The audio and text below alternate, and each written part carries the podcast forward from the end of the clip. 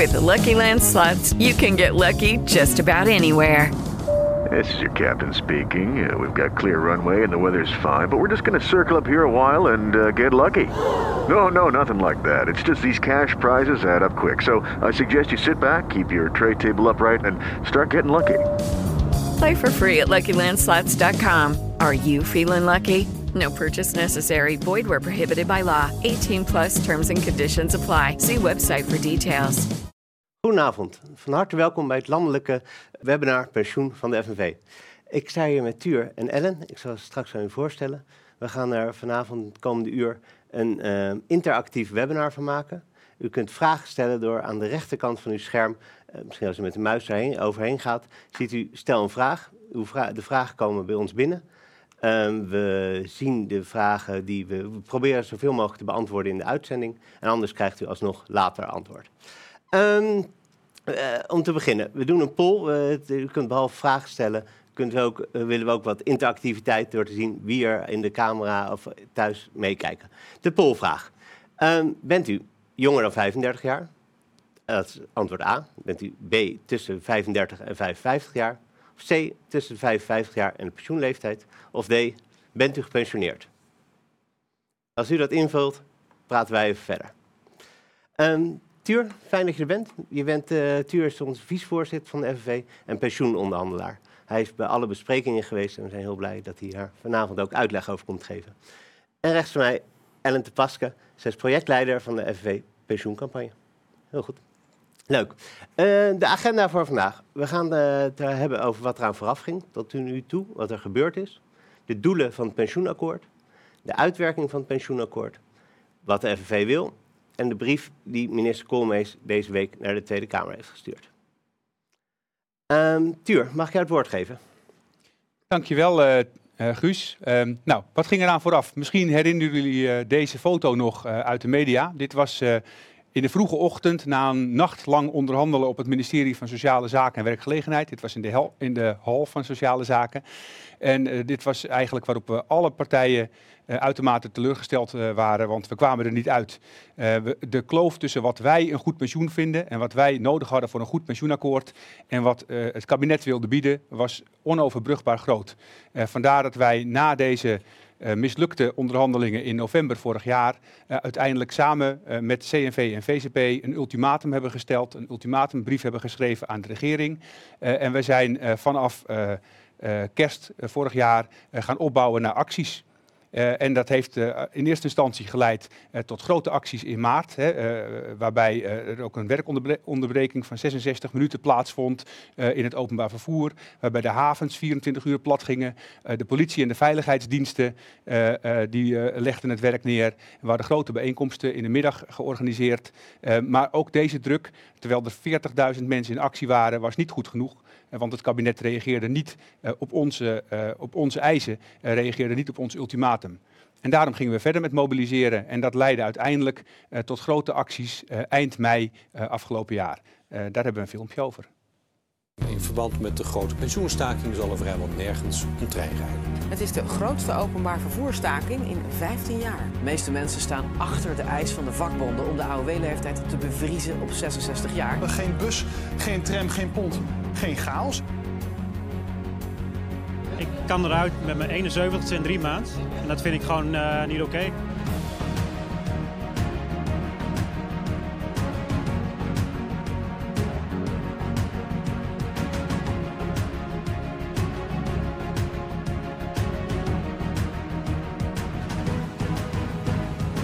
Ik ben met 17 jaar begonnen en ik ben nu 62. En als het onder regering ligt, dan moeten we nog 5, 6 jaar langer doorwerken. En dat, uh, en dat halen we niet. Uh, het lijkt nog heel erg ver weg, maar we gaan allemaal een keer met pensioen. Dus je kunt je er beter nu mee bezighouden dan uh, als het te laat is. Ik heb straks, als ik 66 ben, heb ik 49 jaar gewerkt. En ik denk dat dat wel genoeg is.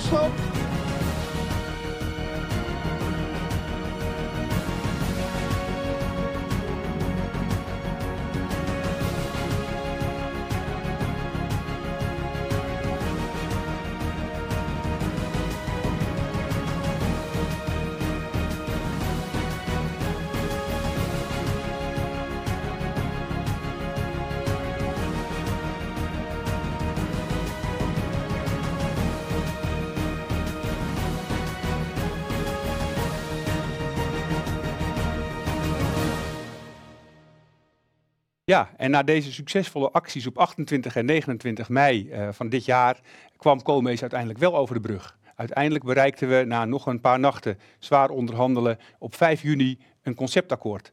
En dat conceptakkoord dat vonden de besturen van FNV, CNV, VCP en ook werkgeversorganisaties goed genoeg om voor te leggen aan onze achterban. Dus dat hebben wij gedaan. Wij hebben een heleboel uh, bijeenkomsten in het land georganiseerd, waarbij we onze leden zo goed mogelijk hebben meegenomen uh, door de uitwerking of door de resultaten van het pensioenakkoord. Uh, daarna hebben wij een, uh, een, een, referendum onder onze leden georganiseerd met een hele hoge opkomst. Voor FNV-begrippen de hoogste opkomst ooit. Ruim 37% van onze leden heeft toen gestemd. En ruim 75% van die leden die gestemd hebben, hebben ingestemd met het akkoord. Daarop zijn we onmiddellijk begonnen aan de uitwerking van het pensioenakkoord. Nou, dat lijkt een mooi begin, maar toen kwam vervolgens in augustus een veel snellere daling uh, van de rente dan we hadden verwacht. En daarmee dreigden er grote kortingen in de tussentijd. En daarmee dreigden niet alleen kortingen op de pensioenen, maar ook hogere premies uh, voor de werkenden. Uh, en daarmee dreigde het vertrouwen onder het akkoord dat we zojuist hadden gesloten ondermijnd te worden. En dus hebben wij in augustus en september gezegd, Koolmees, zorg voor rust. Dan kunnen wij verder met de uitwerking van het pensioenakkoord. Want anders dan gaat het al mis voordat we goed en wel aan de uitwerking zijn begonnen. Dus dat is wat er vooraf ging. nou ja, vanavond staan we hier. Guus, aan jou het woord terug. Dank je. Um, voordat we naar de poll gaan en de uitslag daarvan. En we hebben al een eerste vraag binnengekregen. Uh, wat is het verschil tussen AOW en pensioen? Nou, uh, de AOW is eigenlijk voor iedereen. En dat betekent dus, zolang je in Nederland woont, bouw je AOW op. Um, op dit moment is het als je dus 16 jaar bent en 4 maanden, begin je met het opbouwen van je AOW. En over 50 jaar ga je dan zeggen, dan mag je met de AOW en heb je 100% AOW. Dat is eigenlijk de eerste pijler, zoals we dat noemen. Uh, pensioen is de tweede pijler. Daar kan je samen met je werkgever opbouwen. Dat bouw je een kapitaal op en dat potje, dat is van jou. Dus eigenlijk, dat is het verschil tussen AOW en pensioen. En je hebt ook nog een derde pijler. Dat kan je voor jezelf gaan sparen. Um, wat wel handig is, is om te weten dat in de eerste pijlen, dus je AOW als je een tijdje in het buitenland hebt gewoond, dat je dus minder AOW krijgt. Goed weten. Ik weet niet of dat voor de mensen thuis geldt, maar wat ik wel weet is ongeveer de leeftijd waarin ze zitten. Um, even kijken. Het grootste deel van de kijkers is tussen de 55 jaar en de pensioenleeftijd. Um, daarna de gepensioneerden, 21 procent. En uh, nog 10 procent tussen de 35 jaar en 55. En ook nog 10% jonger dan 35 jaar. Duur, mooie verdeling? Nou, dat lijkt me wel. We hebben een redelijk diverse uh, uh, groep mensen die naar ons kijkt. Fijn dat jullie allemaal meekijken. welkom. Mooi. Um, we hebben een volgende vraag. Nou, ja, hierna gaan we wat lastigere vragen stellen. Eerst nog, bent u werknemer? A, ZZP'er? B, C, uitzendkracht? Of D, niet meer werkend? Nou, hierna komen lastige vragen. Denk het wel. Um, we gaan verder met de inhoud van het programma over de doelen van het pensioenakkoord. Tuur, mag jij het vragen? Zeker. Uh, nou ja, wat we willen als FNV is eigenlijk vrij makkelijk. We willen gewoon een goed pensioen voor iedereen. En een goed pensioen, dat betekent dat je ook op tijd je pensioen moet kunnen krijgen. Dus dat betekent dat je gezond je pensioenleeftijd moet kunnen halen. Dus niet alleen uh, u en ik in de, in de huiskamer en de mensen die bij de FNV werken, maar iedereen. En dus ook de mensen die het zware werk doen. Uh, dus dat zijn de mensen bijvoorbeeld die voor ons de boeven vangen. Of de mensen die onze huizen bouwen. de mensen die ons verzorgen, ook midden in de nacht als we dan ziek zijn. Kortom, de mensen die dag en nacht voor ons klaarstaan uh, om het land draaiende te houden. Dus wij wilden eerder uh, zicht op een goed pensioen voor al die mensen. Daarnaast willen we een goed pensioen en dat betekent ook een koopkrachtig pensioen. En een koopkrachtig pensioen betekent dat een pensioen ook geïndexeerd moet worden als de prijzen stijgen. Dus we willen een pensioen dat zo goed mogelijk ook mee kan stijgen met de prijzen en de lonen. We willen daarbij een ambitie kunnen realiseren van 80% middelloon na 42 jaar werken. Dat is de ambitie die we nu hebben en die willen we ook in de toekomst kunnen halen. Die willen we niet alleen kunnen halen, die willen we voor de meeste mensen kunnen realiseren. En dat betekent dat we ook moeten zorgen dat we geen pech- en gelukgeneraties krijgen. Dus niet dat sommige mensen dat wel halen, maar andere generaties, omdat het even tegenzit, het niet halen. Als het een keer tegenzit, willen we met z'n allen graag die klappen opvangen. Dus dat betekent dat we ook een collectief en solidair pensioencontract voor de tweede pijler willen.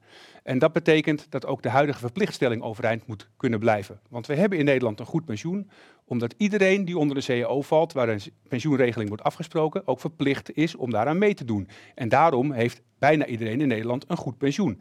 Maar we willen ook voor die mensen die het nu nog niet hebben, straks een goed pensioen kunnen regelen.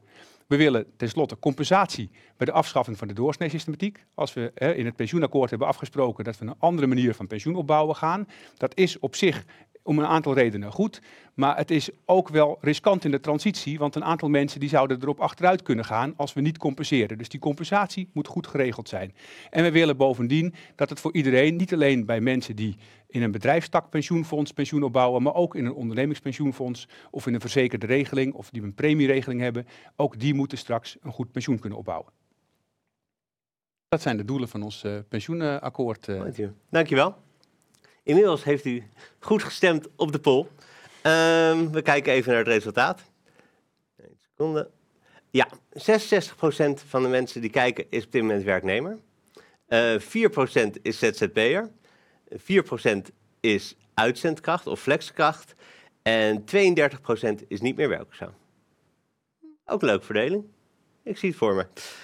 Um, even kijken of er een vraag is die binnenkomt. Ja, er wordt uh, vragen stromen binnen, dus dat gaat goed. Ik had uh, gezegd, hè, of u krijgt in de uitzending antwoord, of ik uh, kom erop terug per mail. Um, Tuur, ik denk dat het goed is als jij deze vraag wil beantwoorden. Hoe houdt de FNV toezicht op de doelen die je net hebt besproken? Oh, uh, nou ja, we hebben dus een uh, akkoord bereikt uh, waarin we hele heldere doelen hebben afgesproken en ook een aantal resultaten die we met elkaar willen behalen. maar we hebben uit eerdere akkoorden geleerd dat als je het alleen maar overlaat aan de politiek om dat uit te werken, dat dan die uitwerking wel eens weg kan lopen bij het akkoord wat we eigenlijk hadden gesloten. En dan zijn we achteraf niet zo blij, dan zitten we met een flinke kater. Dus we hebben nu afgesproken dat we het samen gaan uitvoeren. Dus dat betekent het kabinet samen met de partijen die het akkoord hebben onderhandeld, dus samen met de vakbonden en de werkgevers. Uh, en daar zijn we eigenlijk al vanaf de zomer mee begonnen. En we houden ook gezamenlijk zicht op of we die doelen gaan behalen. En als we die doelen niet behalen, ja, dan houdt het ergens op. Maar voorlopig liggen we goed op schema. Mooi. En het is eigenlijk ook een prima bruggetje naar de uitwerking van het pensioenakkoord. Wat ik u wil vragen om nu wat meer over te vertellen. Ja, nou ja, met veel plezier. Uh, wij hebben afspraken gemaakt dus over uh, eerder stoppen met werken. Hè, wat ik al zei, iedereen moet, moet gezond zijn pensioen uh, kunnen halen. En wij hadden geconstateerd dat de AOW-leeftijd veel te snel opliep. Dus we hebben afspraken gemaakt over twee jaar bevriezen van de AOW-leeftijd. Die is momenteel 66 jaar en vier maanden. Die wordt dus nu twee jaar bevroren. Dat is al geregeld in wetgeving. Dat is onmiddellijk voor de zomer al uitgewerkt, zodat het per 1 januari ook 66 jaar en vier maanden blijft. En het jaar daarna eveneens. Daarna gaat de AOW-leeftijd wel omhoog, maar veel langzamer. Dat was gekoppeld aan de levensverwachting. Voor elk jaar dat we langer zouden leven, zou er een jaar langer uh, gewerkt moeten worden. En dat hebben we nu eerlijk verdeeld over twee derde daarvan langer werken en een derde ook langer pensioen kunnen genieten. Dat moet nog worden uitgewerkt uh, in wetgeving. Daar wordt nu hard aan gewerkt. Verder hebben we afgesproken dat er een onderzoek moet komen naar 45 jaar werken is genoeg. Voor heel veel mensen geldt dat ze als ze zwaar werk doen ook al jong begonnen zijn met werk. En die houden het dus minder lang vol. Uh, dat is nu het oneerlijke en het huidige systeem. En wij willen eigenlijk dat als mensen jong beginnen met werken, dat ze dan kunnen zeggen, na 45 jaar krijg je gewoon AOW.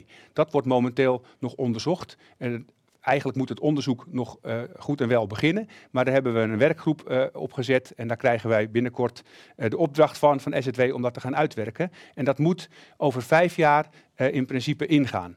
In de tussentijd hebben we tijdelijke maatregelen waarbij de werkgever dat AOW-deel eigenlijk voor zijn rekening kan nemen zonder dat daar een boete op staat. Nu geldt het zo als wij afspraken maken voor een vroegpensioen op basis van de oude uh, wetgeving, dat de werkgever daar een boete over moet betalen. Nou, die boete die wilden wij van tafel hebben.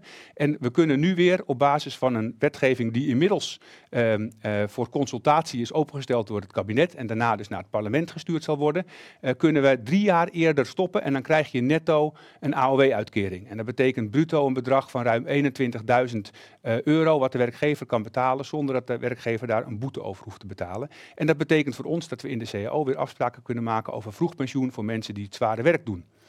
We hebben helaas geen afspraken gemaakt over pensioen voor alle werkenden dat wilden we wel, uh, maar dat is niet gelukt in het akkoord. We hebben wel afspraken gemaakt dat ZZP'ers gemakkelijker uh, kunnen aansluiten bij, uh, bij, pensioenfondsen. En daardoor gemakkelijker ook in een CAO-afspraak onder de verplichte regeling kunnen vallen.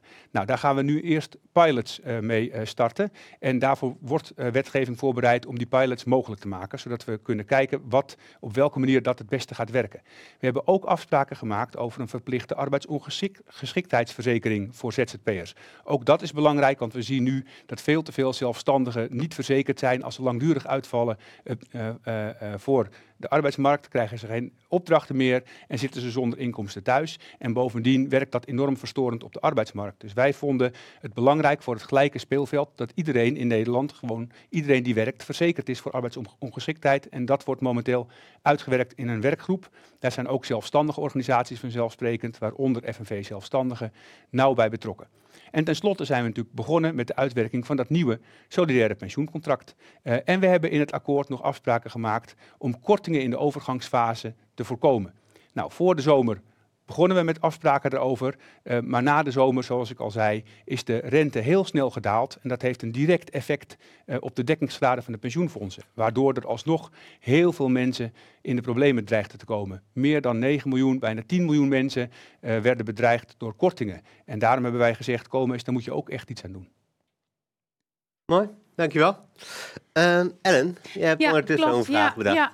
Ondertussen, nadat uh, Tuur uh, zo net uh, de uitwerkingen van het pensioenakkoord heeft besproken, zijn we eigenlijk heel benieuwd welke drie punten zijn voor u nu belangrijk? Is dat A, de AOW en eerder stoppen met werken?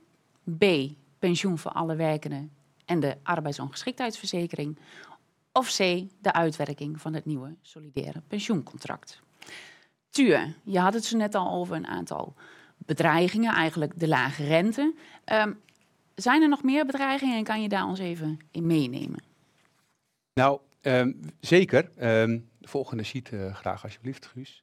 Er zijn een aantal forse bedreigingen uh, voor het pensioenakkoord uh, ontstaan eigenlijk nadat we het akkoord hebben afgesloten. Ik zei al, die rentedaling, dat die laag was, de rente, dat wisten we al. En dat de rente nog verder kon dalen, wisten we ook. Maar die rente die kwam in een soort versnelling, die rentedaling. Uh, in augustus daalde de rente pijlsnel, onder andere als gevolg van het beleid van de Europese Centrale Bank om weer meer uh, obligaties te gaan opkopen en de rente extra laag te maken. En daarnaast waren ook de uitkomsten van de commissie parameters, de adviezen, die zouden nog zorgen voor nog eerder korten, omdat ook de lange termijn rente daarmee nog lager zou worden. de lange termijn rente die je niet goed uit de markt kunt halen, daar moet je een soort afspraak over maken. En ook die werd naar beneden bijgesteld. En de verwachtingen voor de rendementen op bijvoorbeeld aandelen en andere beleggingen die pensioenfondsen ook hebben, uh, die werden ook naar beneden bijgesteld. Nou, het, het, gevolg daarvan is dat de dekkingsgraad van de pensioenfondsen uh, pijlsnel ging dalen. Want de pensioenfondsen die moeten rekenen met die uh, rente. Uh, en de rente is zo laag, uh, die is voor sommige looptijden zelfs onder nul geweest. Die moeten nu gemiddeld rekenen met een rente van 0,65 procent. Nou, dat is natuurlijk belachelijk laag als je weet dat de pensioenfondsen wel goede rendementen maken. daarom zeggen wij, die kortingen die zijn onnodig, want we zijn alle regels rondom wanneer je moet korten en wanneer je weer mag indexeren, zijn we immers als, als, gevolg van de uitwerking van het pensioenakkoord met elkaar opnieuw aan het bedenken. En nu zouden we op basis van de oude regels, zouden we dus geconfronteerd worden. 9 miljoen, 10 miljoen mensen zouden geconfronteerd worden met in onze ogen onnodige kortingen. En daarnaast ook met de dreiging van veel hogere premies of een lagere opbouw voor werkenden. Dus werkenden die konden wel drie keer gepakt worden. Die krijgen ook een verlaging van het pensioen wat zij al hebben opgebouwd als gevolg van die kortingen.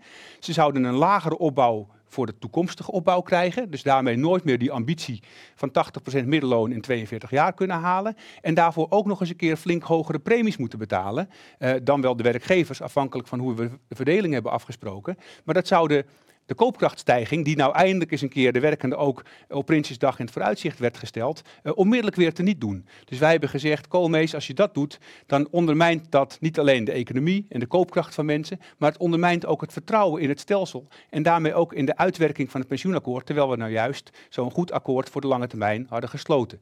En werkgevers die willen dat risico op die hogere premies ook niet en die gingen bovendien steeds harder drukken om dan maar vast over te stappen op een premieregeling zoals we die nu kennen. Zo'n individuele premieregeling waarbij alle risico's bij de werknemer of de deelnemer komt te liggen. Nou, dat vinden wij ook geen goed idee. Wij willen collectieve, solidaire stelsels overeind houden als vakbeweging. Dus wij hebben gezegd, Koolmees, haal die bedreigingen van tafel. Dat is nu cruciaal, want dan kunnen we in alle rust tenminste aan die nieuwe regels verder werken. Ja, en je had het zo net zeg maar over uh, kortingen, maar er Ja. zijn verschillende soorten kortingen. Namelijk, we hebben de MVEF-korting en we hebben de VEF-korting. Het zou fijn zijn als je ons daar ook in meeneemt, wat nou precies het verschil is.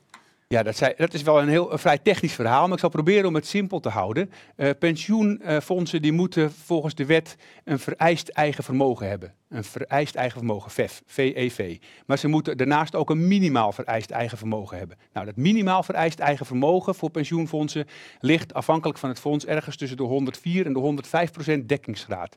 Een fonds wat al vijf jaar lang niet boven die minimaal vereist eigen vermogengrens eh, eh, is ge- geweest. En de afgelopen vijf jaar is dat eh, voor sommige fondsen voorgekomen vanwege die steeds verder dalende rente. Die zouden onherroepelijk, dus eh, eh, eh, onvoorwaardelijk, nu onmiddellijk moeten korten en moeten aanvullen tot die grens, die MVF-grens van 105. Nou, daar hebben we in het akkoord hadden we daarop voorzien, doordat ze alleen maar hoefden aan te vullen tot 100% eh, dekkingsgraad. En dat leek voor de zomer genoeg om kortingen te kunnen voorkomen in de fondsen die dat betreft. Ehm, daarna is de rente verder gedaald en ook de dekkingsgraad verder gedaald. De eh, VEF, eh, het vereist eigen vermogen, dat ligt voor de meeste fondsen ergens tussen de 120 en de 130 procent. Dus zeg maar ongeveer op 125 procent dekkingsgraad. En pas als je meer hebt dan het vereist eigen vermogen mag je indexeren. Maar als je daaronder zit, dan moet je een herstelplan indienen. Waarbij je binnen 10 jaar op dat vereist eigen vermogen moet komen. En als je dat niet kunt, moet je ook korten. En, maar dat mag je wel ook over een langere termijn eh, uitsmeren. Dus even heel kort samengevat, een MVEF-korting is onvoorwaardelijk en dat betekent dat je die sowieso moet nemen. En een VEF-korting is voorwaardelijk, die mag je spreiden. Eh, en als het jaar erop, als het goed gaat, beter gaat, hoef je niet te korten. Ja, dat is inderdaad het, ge- eh, de uitleg. Hè. Bij een voorwaardelijke korting moet je hem wel dit jaar doorvoeren. Maar als het volgend jaar je dekkingsgraad herstelt, hoef je hem misschien niet door te voeren. Maar als je onder die MVEF-grens zit, dan moet je onherroepelijk, onvoorwaardelijk korten. En zelfs als het volgend jaar weer fantastisch gaat, ook met je dekkingsgraad ruim boven die grens, moet je toch de korting die je nog vooruit hebt geschoven doorvoeren.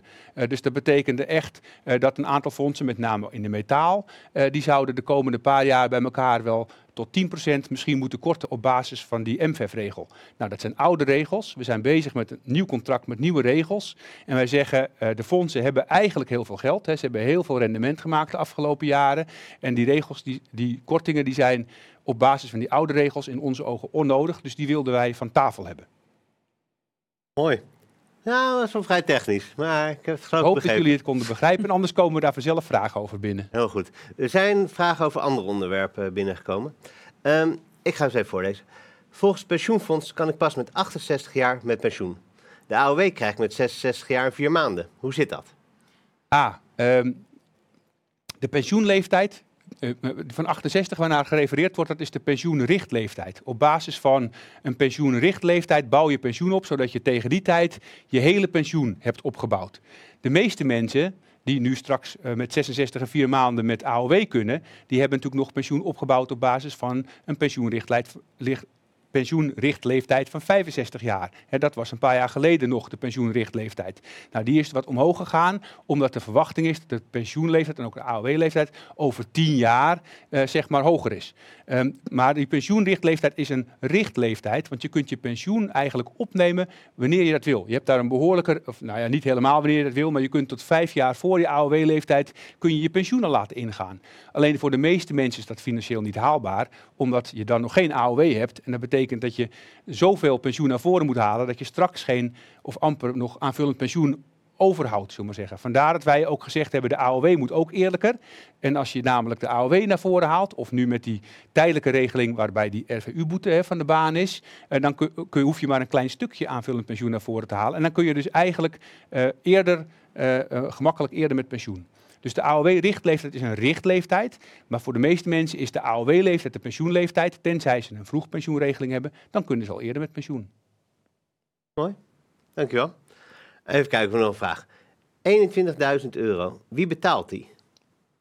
Ja, die 21.000 euro die ik net noemde, in het pensioenakkoord was dat nog 19.000. Maar omdat gelukkig uh, de AOW uh, volgend jaar uh, wel een keer mee, wat meer meestijgt met de prijzen, omdat de lonen eindelijk omhoog gaan, gaan ook de daaraan gekoppelde uitkeringen zoals de AOW mee omhoog. En dat betekent dat de bruto vertaling, zullen we zeggen, van het AOW-bedrag wat je moet krijgen op basis van afspraken in het uh, in, het, in het pensioenakkoord uh, is nu bruto 21.200. Dus dat is wat er nu in het wetsvoorstel uh, rondom die afschaffing van die RVU-boete staat.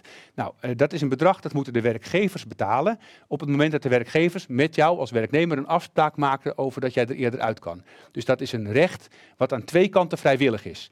Tenzij we daarover in de CAO afspraken maken. En dat doen we al op een aantal plekken. bijvoorbeeld in de VVT, de CAO voor verzorgenden en verplegenden, eh, hebben wij een afspraak gemaakt dat zij gaan uitwerken dat iemand die 45 jaar in de zorg heeft gewerkt, eh, ook met pensioen kan vanaf 65 jaar. Dus dat is eerder dan die 66 jaar en vier maanden. En als de AOW-leeftijd verder oploopt, wordt dat gat natuurlijk alleen maar groter. Uh, dus wij uh, uh, maken nu al afspraken vooruitlopend op die aanpassing van die RVU-boete die nu nog in wetgeving zeg maar, voor ligt. Ehm, maar de werkgevers die moeten dat dan betalen. en we, we merken dat een aantal werkgevers daar prima met ons in de CAO afspraken over wil maken. Want de werkgever zit er immers ook niet op te wachten uh, dat mensen uh, aan het werk moeten blijven terwijl ze gewoon op zijn en het eigenlijk niet meer redden. Dus met name in sectoren waar veel zwaar werk plaatsvindt, uh, willen wij in eerste instantie op korte termijn afspraken maken met de werkgevers. En sommige werkgevers willen dat gelukkig ook met ons. Ja, want dezelfde vraag over hetzelfde bedrag is binnengekomen of die 21.000 euro alleen voor mensen met zwaar werk is. Nou, dat hangt dus af van de CO-afspraak. want zwaar werk, we hebben heel lang een discussie gehad in Nederland. Wat is nou precies een zwaar beroep? Nou, het is een heel moeilijk beroep. Hè. We kunnen dat vaak, uh, we kunnen het eigenlijk niet met één, du één duidelijke definitie definiëren. Uh, want um, um, uh, de mensen die op de werkvloer zitten, die weten zelf of ze zwaar werk doen of niet. En dat is van sector tot sector en van bedrijf tot bedrijf nogal verschillend. Dus wij vinden bijvoorbeeld dat mensen die in de ploegendiensten werken en heel vaak s'nachts moeten werken, zeker als dat bij weer en ontij ook nog buiten is, dat is zwaar werk. maar er zijn ook andere vormen van fysiek zwaar werk waar niemand over uh, in discussie zal gaan. Maar er zijn natuurlijk ook allerlei vormen van psychisch of mentaal heel uh, zwaar belastend werk. Nou, wie weet nou het beste wat zwaar werk is? Dat weet je het beste als je dicht op de werkplek zit. En daarom hebben we gezegd dat soort afspraken moeten we eigenlijk in de CAO maken tussen werkgevers en werknemers. In die regeling, daar willen we de afspraken maken over wie er onder zo'n regeling vallen. Mooi. En daarmee heb je ook meteen de vraag beantwoord uit land van wie bepaalt of ik zwaar werk heb. Dus ja. je mooi Nou ja, dat bepalen wij dus uh, zelf uh, in, uh, in het CAO-overleg met de werkgever. Ja. Heel goed. Ellen, zullen we naar de uitslag van de poll gaan wat de belangrijkste onderwerpen zijn? Yes. Um, welke van de drie onderdelen vindt u het belangrijkste? En um, ik weet niet of er een winnaar is, maar de voorkeur in deze poll gaat naar de AOW en eerder stoppen met werken met 56 procent. het pensioen voor alle werkenden is uh, op 11 procent uh, geëindigd. Of nou, het, er komen nog steeds stemmen binnen. Maar de uitwerking van het nieuwe solidaire pensioencontract heeft 33 procent. Dus eerste 56 procent, dan 11 procent en 33 procent. Het past misschien ook wel een beetje, eh, omdat we gezien hebben natuurlijk ook de meeste mensen uh, die zijn ingeschakeld, dat zijn werknemers. En die, die, die houden zich toch vaak vooral met de vraag bezig, wanneer mag ik met pensioen? Terwijl voor gepensioneerden uh, natuurlijk vooral van wanneer krijg ik eindelijk weer eens indexatie. Want ik, ik heb al tien jaar lang mijn koopkracht niet zien stijgen.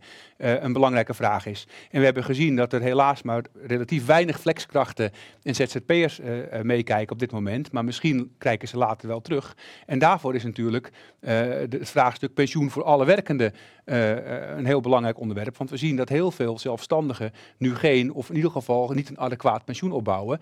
En flexwerkers, met name uitzendkrachten, uh, die bouwen wel iets pensioen op, maar pas uh, nadat ze eerst een hele lange wachttijd hebben gehad, zonder dat ze enig pensioen hebben opgebouwd. En zelfs daarna gaan ze maar een heel klein pensioentje opbouwen. Dus dat moet echt heel veel beter. Mooi, dankjewel. Um, er komt straks, kan je alvast over nadenken. Of krijgen we volgend jaar wel kortingen? Voordat we daar komen, wil ik Ellen vragen. Even te zeggen, wat, de, wat wil de FNV, dat onderdeel? Nou ja, de FNV wil natuurlijk eigenlijk een oplossing hè, voor wat uh, Tuur heeft genoemd uh, eerder, de kortingen. Maar daarnaast willen we ook rustig kunnen werken aan de uitwerkingen van het pensioenakkoord. En als er in de tussentijd forse premieverhogingen ontstaan of een opbouwverlaging en zelfs dus de kortingen, ja, dan zijn wij gewoon bang dat er zoveel maatschappelijke onrust ontstaat dat je het akkoord niet meer rustig kan uitwerken.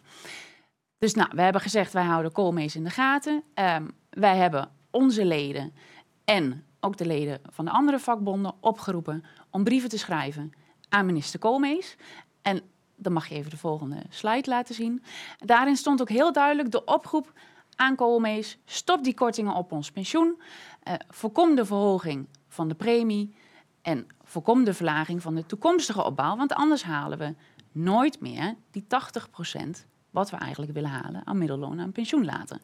En op 15 november, vorige week vrijdag, hebben wij onze 10.000 brieven overhandigd aan Koolmees en daar hebben we een filmpje van. Maar dan moeten we niet ondertussen op basis van nog oude knellende regels uh, nu pensioenen laten bedreigen door kortingen, waarvan wij denken dat het niet nodig is. Wij willen geen kortingen, we willen geen verlaging van de pensioenopbouw en ook geen verhogingen van de premie op basis van oude regels die uh, eigenlijk het, uh, het, pensioenakkoord zoals we dat van de zomer hebben gesloten zouden bedreigen in de uitwerking. Want wij willen een goed pensioen voor iedereen en daarom staan we hier. Mhm. Dus ik wil u graag namens onze achterbannen inmiddels zo'n 10.000 uh, getekende brieven uh, overhandigen. en, en petities, ja, petities met 10.000 handtekeningen. voor de 20 november moet ik een brief sturen naar de Tweede Kamer over hoe we onnodige kortingen kunnen voorkomen. Daar ben ik nu hard mee bezig. Daar heb ik ook nog overleg over met sociale partners. en met inderdaad mijn, mijn collega's in het kabinet. Maar wat ik uh, zeer eens ben met, met de heer Elsinga is dat we uh, ontzettend aan de slag moeten om het pensioenakkoord uit te werken. Dat is inderdaad de beste garantie op een goed pensioen in de toekomst. Uh, daar, daar, zit mijn motivatie, daar zit mijn drive. En laten we dit de komende maanden ook echt gebruiken om ons pensioenakkoord goed uit te werken. Omdat we inderdaad een pensioen nodig hebben voor alle generaties voor de toekomst. Nogmaals hartelijk dank. Ik weet niet hoe ik deze mee ga nemen. Komt goed. Uh, komt goed. Komt goed. Wordt die gebracht? Ja, wordt gebracht. De heer Van de Kamp gaat hem bij het departement bezorgen. Uh, deze, brief, deze brief is niet zo zwaar, die ja. kunt u meenemen. Ja, nee. De brief van minister Koolmees. Ja, eigenlijk zeiden de krantenkoppen uh, het nieuws uh, het bijna al. Hè. Het spreekt bijna voor zelf. lager pensioen voor 7 miljoen mensen van de baan. Koolmees stelt wel voorwaarden aan een jaar uitstel van korting op de pensioenen. In elk geval, het goede nieuws is, Koolmees heeft bevestigd wat wij hebben geëist, dat het mogelijk is om die pensioenkortingen voor de meeste mensen van de baan te halen. Dus uh, wat staat er nou in die brief, even samengevat?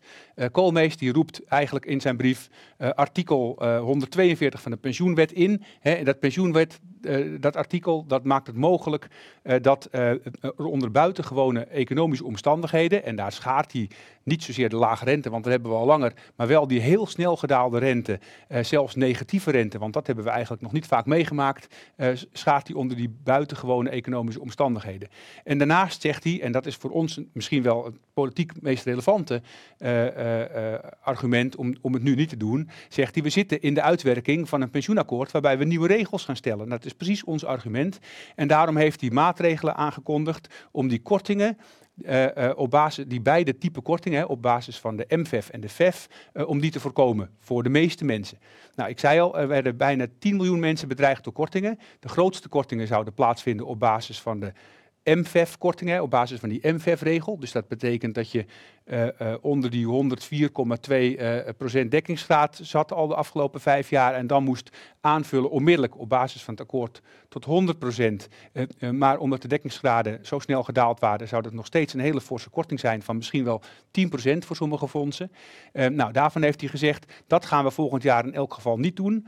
ik ga een extra jaar toevoegen aan een extra meetmoment, waarin de fondsen zeg maar volgend jaar pas getoetst worden over of ze onder die MVEF-korting zitten. Daarmee is dat probleem in elk geval één jaar uitgesteld. Um, op basis van de kortingen die dreigden voor veel meer fondsen, nog voor uh, uh, ongeveer 26 fondsen, 27 fondsen, dreigden er ook nog uh, VEF-kortingen. Dus op basis van dat, die herstelplannen die fondsen moeten indienen als ze niet aan het vereist eigen vermogen voldoen. Um, en die kortingen die zouden dreigen omdat ze niet in 10 jaar op dat vereist eigen vermogen zouden kunnen komen op basis van wat ze prudent mogen verwachten aan rendementen die ze de komende uh, periode gaan maken. Uh, maar daar hebben ze nu geen tien jaar de tijd voor gekregen. Daar heeft Koolmees goed geluisterd van geef ons nou twee jaar extra. Uh, daar is de hersteltermijn verlengd naar twaalf jaar. Waardoor de facto eigenlijk alle fondsen die nu met een dekkingsgraad zitten boven de 90% niet meer in de problemen zitten. En dat betekent dat uh, uh, dus die uh, ruim 9 miljoen mensen niet langer met kortingen worden bedreigd, maar op basis van de huidige rentestanden, want het blijft, rentestanden blijven natuurlijk een, een dagkoers. Op basis van de huidige situatie zou dat betekenen dat er uh, voor 600.000 mensen misschien nog wel een uh, korting uh, dreigt. Maar dat zijn wel veel kleinere kortingen dan bij die metaalfondsen die daar dreigden. dat gaat om kortingen van gemiddeld ongeveer 0,6 procent. En dat op basis van het stukje pensioen wat je bij dat pensioenfonds hebt opgebouwd. Nou, we weten niet precies welke fondsen dat zijn. We weten wel dat het vooral gaat om werkenden die dus nog pensioen aan het opbouwen zijn. Dus dat kan ook nog herstellen in de loop van de periode. en we weten ook dat het voor een groot deel gaat om slapers die een klein tijdje bij dat fonds hebben opgebouwd. Dus het gaat dan over een klein stukje van hun pensioen en dan 0,6 procent. Is nog steeds heel erg zuur, dus de vlag kan niet uit. Uh, maar het is in elk geval een enorme beperking van de schade, want zonder deze stappen zouden die kortingen heel veel groter zijn en zouden er bovendien um, miljoenen tot 10 miljoen mensen door kortingen getroffen worden. En nu gaat het om een gelukkig veel kleinere groep. Daarnaast schrijft Koolmees ook iets over die uh, eisen die wij hadden gesteld rondom de premies en de verlaging van de opbouw.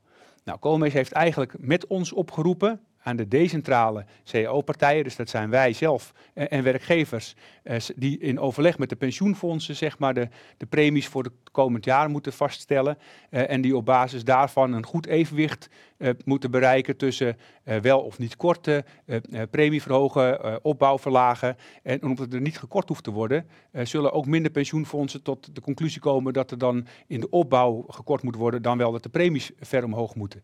Maar niet alle fondsen lijken daar de dans te ontspringen. Dus hier zijn we nou ja, blij met deze stap die gezet is, want voor verreweg de meeste fondsen zullen er geen premieverhogingen nodig zijn.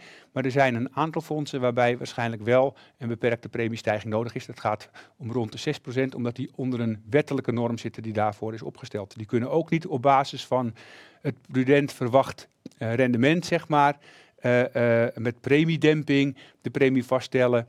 Uh, uh, op basis van de huidige premiehoogte. Die zullen ook op basis van de rendementen die ze verwachten de premies moeten bijstellen. En dat zal ook onder de nieuwe regels zo zijn, hè, want we moeten natuurlijk op basis van de de rendementen die de fondsen kunnen verwachten, uh, premies vaststellen, zodat we die ambitie die we met z'n allen willen, wel kunnen waarmaken. Dus dit zijn ook fondsen uh, waarbij de premies uh, daadwerkelijk, ook in onze ogen, erg laag zijn. Dus daar zullen we goed naar moeten kijken. Nou, we gaan natuurlijk onderzoeken welke fondsen dat zijn, wat de effecten zijn en daar goed op blijven sturen.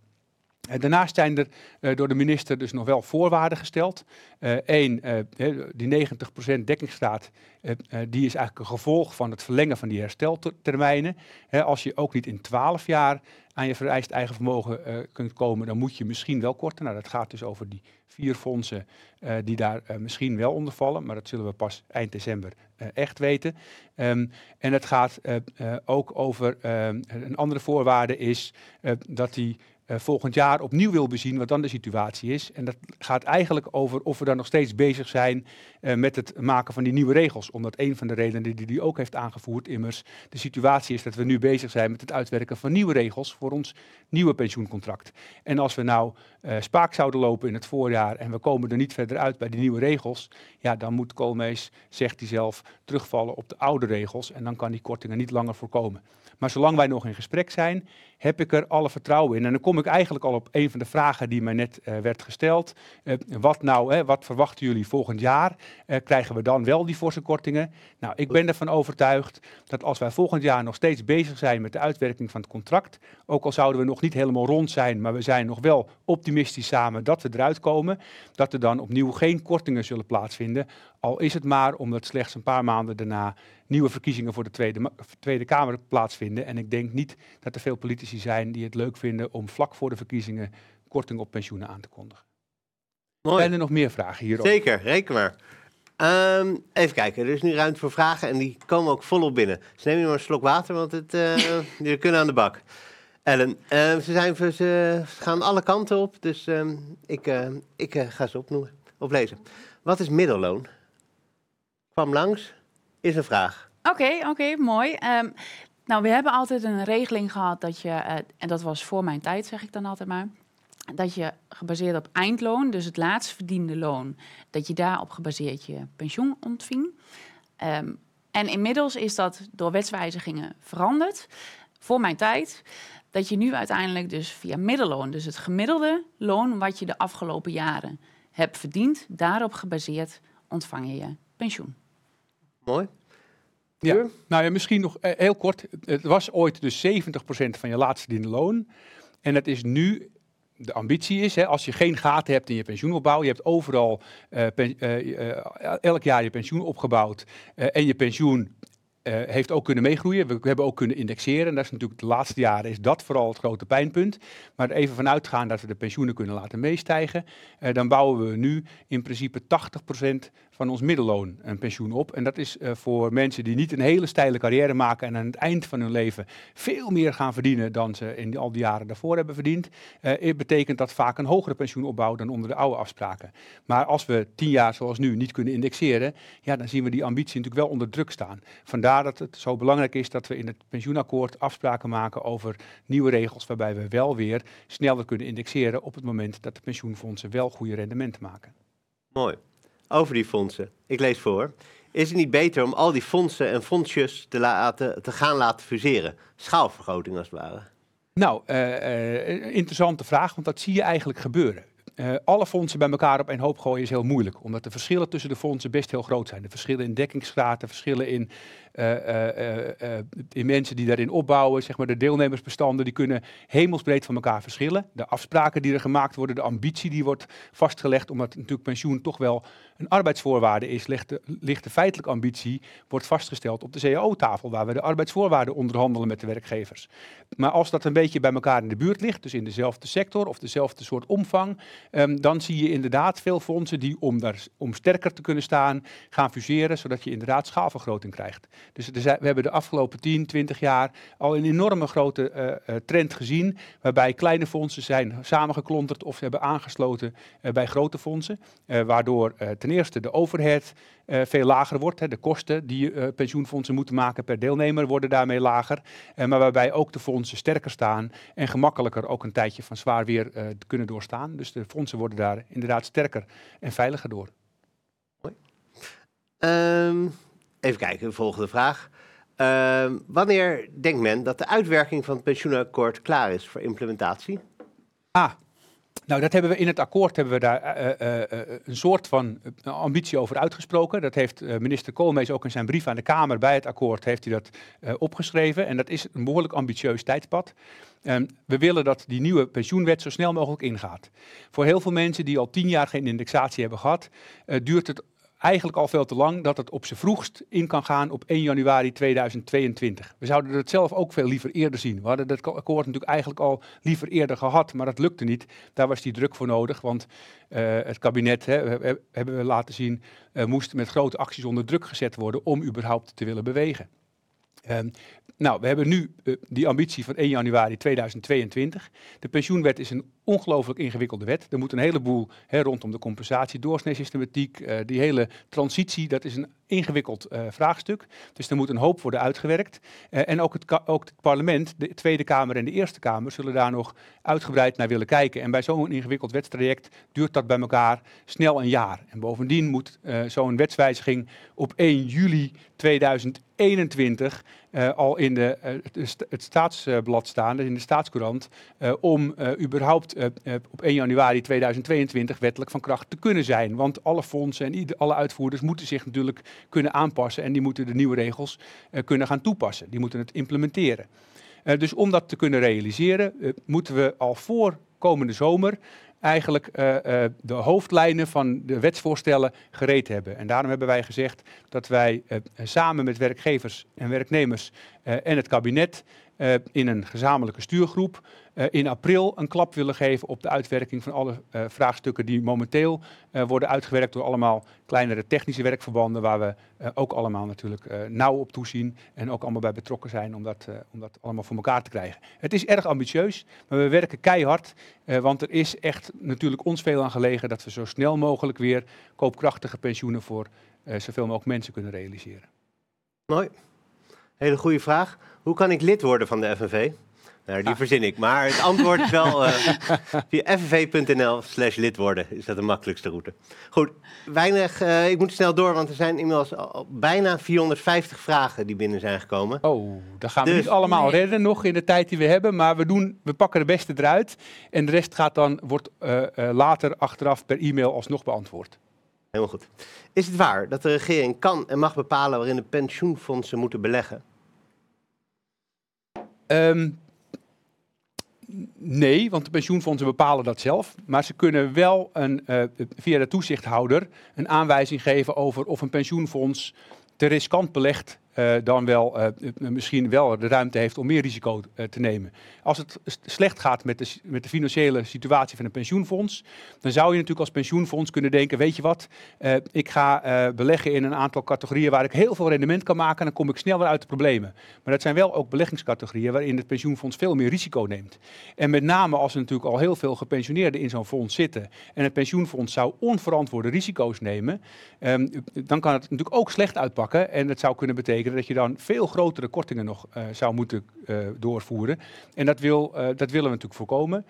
dus daar kan een aanwijzing plaatsvinden van je mag niet zoveel of zoveel. Nou, door die hele lage rente vinden wij wel dat pensioenfondsen nu veel te voorzichtig moeten beleggen. De, de, de Nederlandse bank is op basis van de regels, de Nederlandse bank is de toezichthouder, die moet toezicht houden. Het is belangrijk dat we een toezichthouder hebben, maar de regels die zijn nu zo voorzichtig, zo enorm voorzichtig, eigenlijk sinds de vorige financiële crisis, zo extreem voorzichtig dat alle fondsen zich nu noodgedwongen heel erg arm moeten rekenen. Uh, en wij zeggen van kom op, onze fondsen die kunnen zelf ook voor een groot deel wel bepalen wat prudent is en hoe ze voorzichtig met het geld van de deelnemers om kunnen gaan. Want we zitten immers ook zelf in de besturen, we houden daar zelf ook toezicht op. En het is goed dat er een toezichthouder is, maar we moeten ook niet overdreven voorzichtig zijn. Mooi. Uh, hier is een vraag. Het uh, wordt geciteerd uit het artikel van het Algemeen Dagblad van 29 augustus. Dat pensioenbazen zien hun salarissen stijgen. Dat is schandalig. Dit uh, staat hoor, maar ik ben het eens. Deze kleine groep verrijkt zich over de ruggen van de deelnemers. Is dit afgesproken in het pensioenakkoord? Het is zeker niet afgesproken in het pensioenakkoord. Uh, een kleine nuance is op zijn plaats. Uh, we zien uh, enerzijds uh, dat de werkdruk van mensen in pensioenfondsbesturen toeneemt als gevolg van die concentratie, van, van het feit dat dus minder fondsen komen, maar wel grotere fondsen, dus ze hebben meer te doen. Er staat dan vaak ook een wat hogere beloning tegenover. Dat vinden wij tot op zekere hoogte billig. Daarbij is het zo dat de, de pensioenfondsbestuurders die namens werkgevers en de vakbonden in die besturen zitten, die hebben helemaal niet hun salaris zien stijgen. Um, maar je ziet wel, ook onder druk van de toezichthouder, dat er steeds vaker onafhankelijke experts in die besturen moeten. Die zijn vaak duurder. En we zien soms dat de voorzitters van die hele grote fondsen, maar met name ook besturen, besturen zeg maar, van de uitvoeringsorganisaties die ook uh, het geld beleggen, uh, dat die wel soms exorbitante uh, bedragen krijgen. Soms vele malen hoger dan de balken norm. Nou, daar zijn wij als FNV heel kritisch op. Wij willen dat liever niet. We vinden het vooral in tijden dat de pensioenfondsen niet in staat zijn om de pensioenen te laten meegroeien met de, met de prijzen, uh, vinden we dat een heel fout signaal. Maar we zitten nou eenmaal als FNV natuurlijk niet alleen in de pensioenfondsbesturen. We hebben het uh, helaas niet of helaas, misschien is het ook maar goed ook, maar we hebben het niet alleen voor het zeggen. Um, dus we moeten soms uh, meebewegen met uh, ook in dit geval uh, beleid wat niet altijd helemaal ons beleid zou zijn. Ik zoek er nog leuk uit. Um, krijg ik met het nieuwe contract wel indexatie?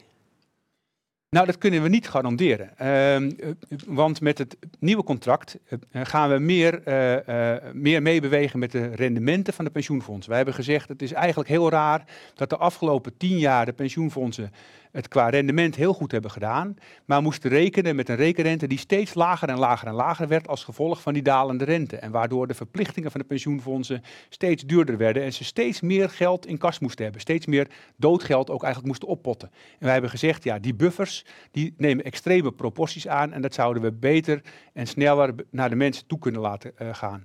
Maar dat betekent wel dat omdat je meer uitgaat van de werkelijke rendementen, dat je dus ook meer uh, uitgaat van risico's die de fondsen wel nemen, waardoor ze goede rendementen maken. Maar ja, we weten allemaal uh, op de financiële markten, het, het, zit veel jaren mee, maar het zit ook wel eens tegen. Uh, en dat betekent dat we uh, ook in het nieuwe systeem te maken krijgen met jaren dat het tegen zit, dat het ook met de rendementen wel slecht gaat. En dan moeten we misschien ook vaker kortingen doorvoeren. Maar we zullen veel meer jaren zien, in tegenstelling tot de afgelopen periode, waarin we dus al tien jaar op een nullijn zitten, dat we positieve rendementen kunnen verdelen. En dan kunnen we dus de pensioenen wel veel sneller mee laten stijgen uh, met de prijzen en de lonen en dus een geïndexeerd pensioen bieden. Dus het zicht op een koopkrachtig pensioen, wat wel geïndexeerd wordt, wordt met het nieuwe contract wel een stuk beter. En daar is het ons wel om te doen. Mooi. Um, vraag, waarom kan ik niet zelf beleggen? Is dat niet beter? Ik weet niet of deze ah. vraagsteller een groot belegger is, maar in nou het algemeen. Kijk, er zijn altijd mensen die, uh, uh, die geluk hebben. Je moet als je belegt uh, verstand hebben van beleggen. Uh, maar je kunt ook af en toe een gokje nemen. En sommige mensen die hebben geluk en die, uh, uh, die zeggen van kijk eens naar mij, ik heb dit en dit zelf belegd en dan moet je zien wat een mooi rendement. maar de gemiddelde belegger in Nederland die zal echt niet in staat zijn om de beleggingsresultaten van de pensioenfondsen te verslaan. Want de pensioenfondsen in Nederland behoren eigenlijk tot de best presterende fondsen in de wereld. Dat zijn hele goede en ervaren beleggers. Ze beleggen ook niet voor de korte termijn. Ze doen niet aan speculatie met uw geld. maar ze beleggen op de lange termijn. Want pensioen dat heeft tenslotte een hele lange beleggingshorizon. Want je spaart nu voor je pensioen wat je misschien over 30, 40, soms 50 jaar pas nodig hebt. Dus die pensioenfondsen kunnen daar uh, met een goede strategie op een hele lange termijn uh, verstandig mee beleggen. Uh, ik zou u echt niet aanraden om het zelf te doen. u kunt het natuurlijk ook door anderen laten beleggen die er ook verstand van hebben. maar de kosten die u daarover betaalt zijn in de meeste gevallen veel en veel en veel hoger dan de kosten die de pensioenfondsen daarvoor in rekening brengen. Dus uh, bovendien hebben wij uit ervaring geleerd, maar ook uit de theorie uh, kun je heel makkelijk aantonen dat als je collectief risico's neemt uh, en dat met alle deelnemers spreidt, dat je ook meer risico kunt nemen en dat, ehm, dat je ook langer je, je, je pensioeninleg kunt laten renderen en dat collectief belegger, een collectief pensioenfonds, uh, ook macro gezien een enorme welvaartswinst genereert. En die zou je kwijt zijn als iedereen individueel zou gaan beleggen. Dus dat zouden wij een heel slecht idee vinden. Mooi. Um, inmiddels vragen ook veel kijkers of ze het webinar kunnen terugkijken. En dat is gelukkig een vraag die ik ook kan beantwoorden. Want dat kan. Uh, het volledige webinar is terug te zien via dezezelfde link. En die verschijnt ook, of uh, hij is volgens mij al direct beschikbaar na afloop van dit webinar. Um, andere vragen uit het land. Um, Ellen, waarom bouwt niet iedereen in Nederland pensioen op? En krijgen uitzendkrachten ook pensioen? Nou ja, uh, uitzendkrachten, um, als je bij dezelfde uitzendwerkgever werkt en daar wordt uitgezonden, dan bouw je pas na 26 weken pensioen op. Uh, en we hebben ook te maken met de witte vlek. En dat betekent dus werknemers die überhaupt geen pensioen opbouwen, omdat het niet verplicht is vanuit de werkgever of niet is afgesproken in een CAO om pensioen op te gaan bouwen. Dus zodoende zijn er dus, en dat raakt eigenlijk heel veel jongeren op dit moment. En ook de flexmensen en de uitzendkrachten bouwen helemaal geen pensioen op. Goed dat daar iets aan gebeurt. Um, ik had nog een vraag voor je, Tuur. Um, ik wil langer doorwerken. Dit is een vraag van het land. Ah. Kan dat ook? Ja, nou ja, wij hebben in onze achterban heel veel mensen die graag eerder willen stoppen. Dus daar hebben wij natuurlijk uh, in, onze, in onze inzet uh, ook op gefocust en ook uh, flink voor actie gevoerd. Um, en nu mogen we eerder stoppen, maar er zijn ook mensen die zeggen, ja verdorie, ik had graag langer willen doorwerken. En kan dat niet ook nog? nou ja, het arbeidscontract is een contract tussen werkgever en werknemer. In sommige contracten bestaat de mogelijkheid om in overleg met de werkgever wel langer door te werken dan AOW-leeftijd of dan de afgesproken pensioenleeftijd. Um, maar uh, in veel contracten uh, uh, is er of een, een vaste einddatum, hè, een vaste pensioenleeftijd.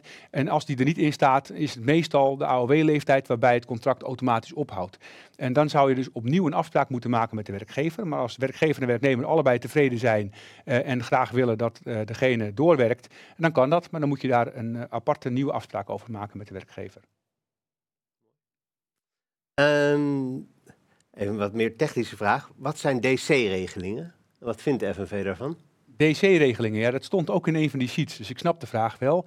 DC is een Engelse afkorting voor Defined Contribution. Je hebt Defined Benefit en Defined Contribution. En Defined Contribution is eigenlijk een premieregeling. En met een pure DC-regeling wordt meestal een individuele uh, premieregeling bedoeld. Dat betekent dat de werknemer of samen met de werkgever wel een afspraak maakt over een bedrag, een vaste premie die opzij wordt gezet. Dat is een pot met geld en die krijgt ook rendement vervolgens. En op het moment dat je dan met pensioen gaat, dan wordt die pot met geld omgezet uh, uh, in een pensioenuitkering. Dus die terwijl dat geld rendeert in die pot, heb je dus geen last van de rekenrente. Maar op het moment dat je je geld moet omzetten eh, in een eh, pensioenuitkering, in een levenslange pensioenuitkering, dan geldt op dat moment de rente eh, en die is op het ogenblik extreem laag. Dus we zien ook bij mensen met een DC-regeling hele grote problemen, omdat die hebben gerekend van met deze premie heb ik een mooie pot met geld. En op het moment dat ze die aan het opbouwen waren, hebben ze uitgerekend dat betekent dat ik dan zoveel pensioen kan inkopen. Maar dat was nog op basis van misschien destijds een rente van 4%. En inmiddels zitten ze met een rente van 0,6. Uh, en hebben ze dus veel lager pensioen uh, dan waar ze destijds op gerekend hadden. Uh, dus ook dat. Hè, dus dan krijg je wat je noemt wel die pech- en gelukgeneraties. Omdat heel erg het moment dat je overstapt op, een op, op je, van je werkende carrière en opbouw van het geld in die pot uh, naar een pensioenuitkering, de rente op dat ene moment heel erg bepalend is.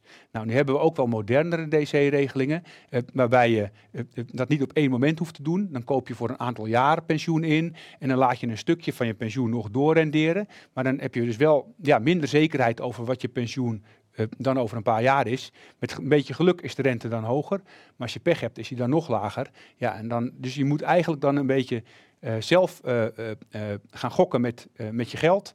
ondanks dat je geld wel door professionele beleggers wordt belegd in, tijdens de opbouw. maar je hebt toch nog steeds wel een gok van, ga ik, ondanks dat de rente nu heel erg laag is en mijn pensioenuitkering enorm tegenvalt nu toch voor de hele periode pensioen uh, afspreken of wil ik nog een stukje uh, door laten renderen? Ja, dat is wel een risico en dat risico ligt dan heel erg bij een individuele DC-regeling alleen maar bij de individuele deelnemer. en dat vinden wij niet zo solidair. Mooi. Vind ik een mooi einde, Tuur. Hartelijk dank. Ja, graag En ook hartelijk dank. We zijn aan het einde gekomen van het eerste pensioenseminar van de FNV. Ik wil alle kijkers hartelijk bedanken. Nog een paar dingen die ik u wil meegeven. Er zijn, zoals gezegd, meer dan 450 vragen gesteld. Fantastisch. Uh, betekent wel dat uh, ons, de slimste mensen uit ons pensioenteam de komende periode hard aan de slag moeten om die vragen te beantwoorden. Maar die komen jullie kant op. Um, er is een evaluatieformulier na afloop van dit seminar wat u kunt invullen. Um, ik ben Guus Staats. Ik mocht dit uh, webinar hosten. Ook iets voor de evaluatie, dat ik dat de volgende keer aan het begin zeg. Um, de vragen kunt u ook nog mailen naar goedpensioen.fnv.nl. En er is een directe link beschikbaar na afloop van dit seminar om terug te kijken. Dank u wel en tot de volgende keer. Dank u wel. Okay, round two. Name something that's not boring. Laundry? Ooh, a book club. Computer solitaire, huh? Ah, oh, sorry, we were looking for Chumba Casino. That's right. ChumbaCasino.com has over 100 casino style games. Join today and play for free for your chance to redeem some serious prizes. ChumbaCasino.com. No purchase necessary. Full prohibited by law. 18 plus terms and conditions apply. See website for details.